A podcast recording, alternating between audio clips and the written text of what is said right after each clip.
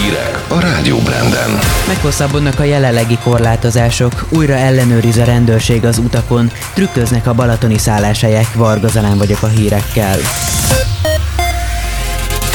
Üdvözlöm Önöket, meghosszabbította a jelenleg érvényben lévő védelmi intézkedéseket a kormány. Ez szerint április 8-áig változatlanok maradnak a maszkviselésre, a kiárási tilalomra, az üzletekre, szabadidős létesítményekre, szórakozóhelyekre vonatkozó szabályok.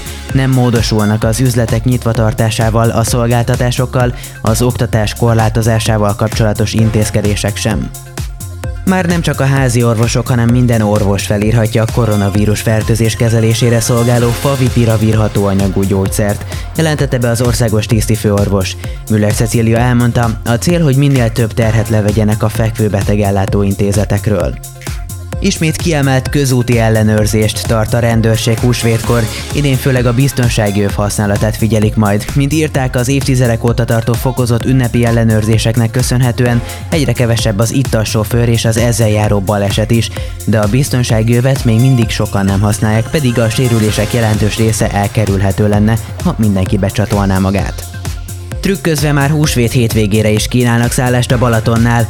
Ha bármilyen munkáltatói igazolással érkezünk, akkor az egész családot várják a hosszú hétvégére, mondták a balatoni szállásadók, akik egyszerű turistákat a jogszabály értelmében nem fogadhatnak.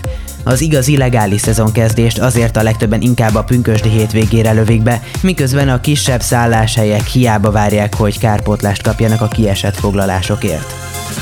Modern, korszerű és akadálymentes utascentrum épül a keleti pályaudvaron. A több mint 1500 négyzetméteres utascentrumot a peron szint alatt alakítják ki, ahol egy helyen lesz lehetőség a menetjegyváltással, a belföldi és a nemzetközi utazással kapcsolatos ügyek intézésére.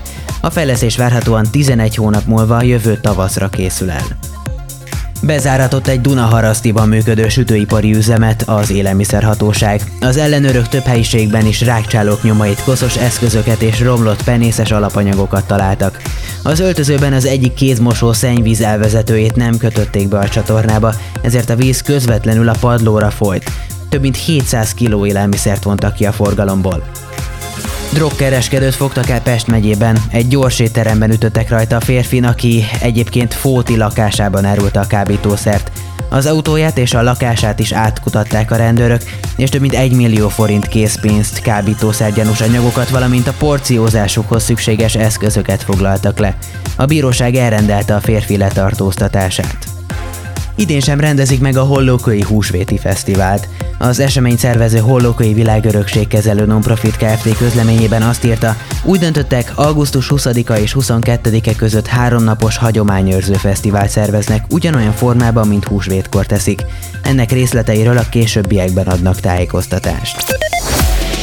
Időjárás. Enyhe tavaszi idő várható. A Dunántúlon több órára kisüt a nap, de másút sok lesz a felhő az égen. A szélmérsékelt marad, legfeljebb a Dunántúlon élénkülhet meg.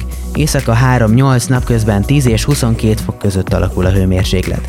A legfelhősebb északkeleti keleti tájakon lesz hűvösebb, a következő napokban 20 fok fölött alakul majd a hőmérséklet, a hétvégére lehűlés érkezik. Híreket hallottál. Itt a Rádió Branden.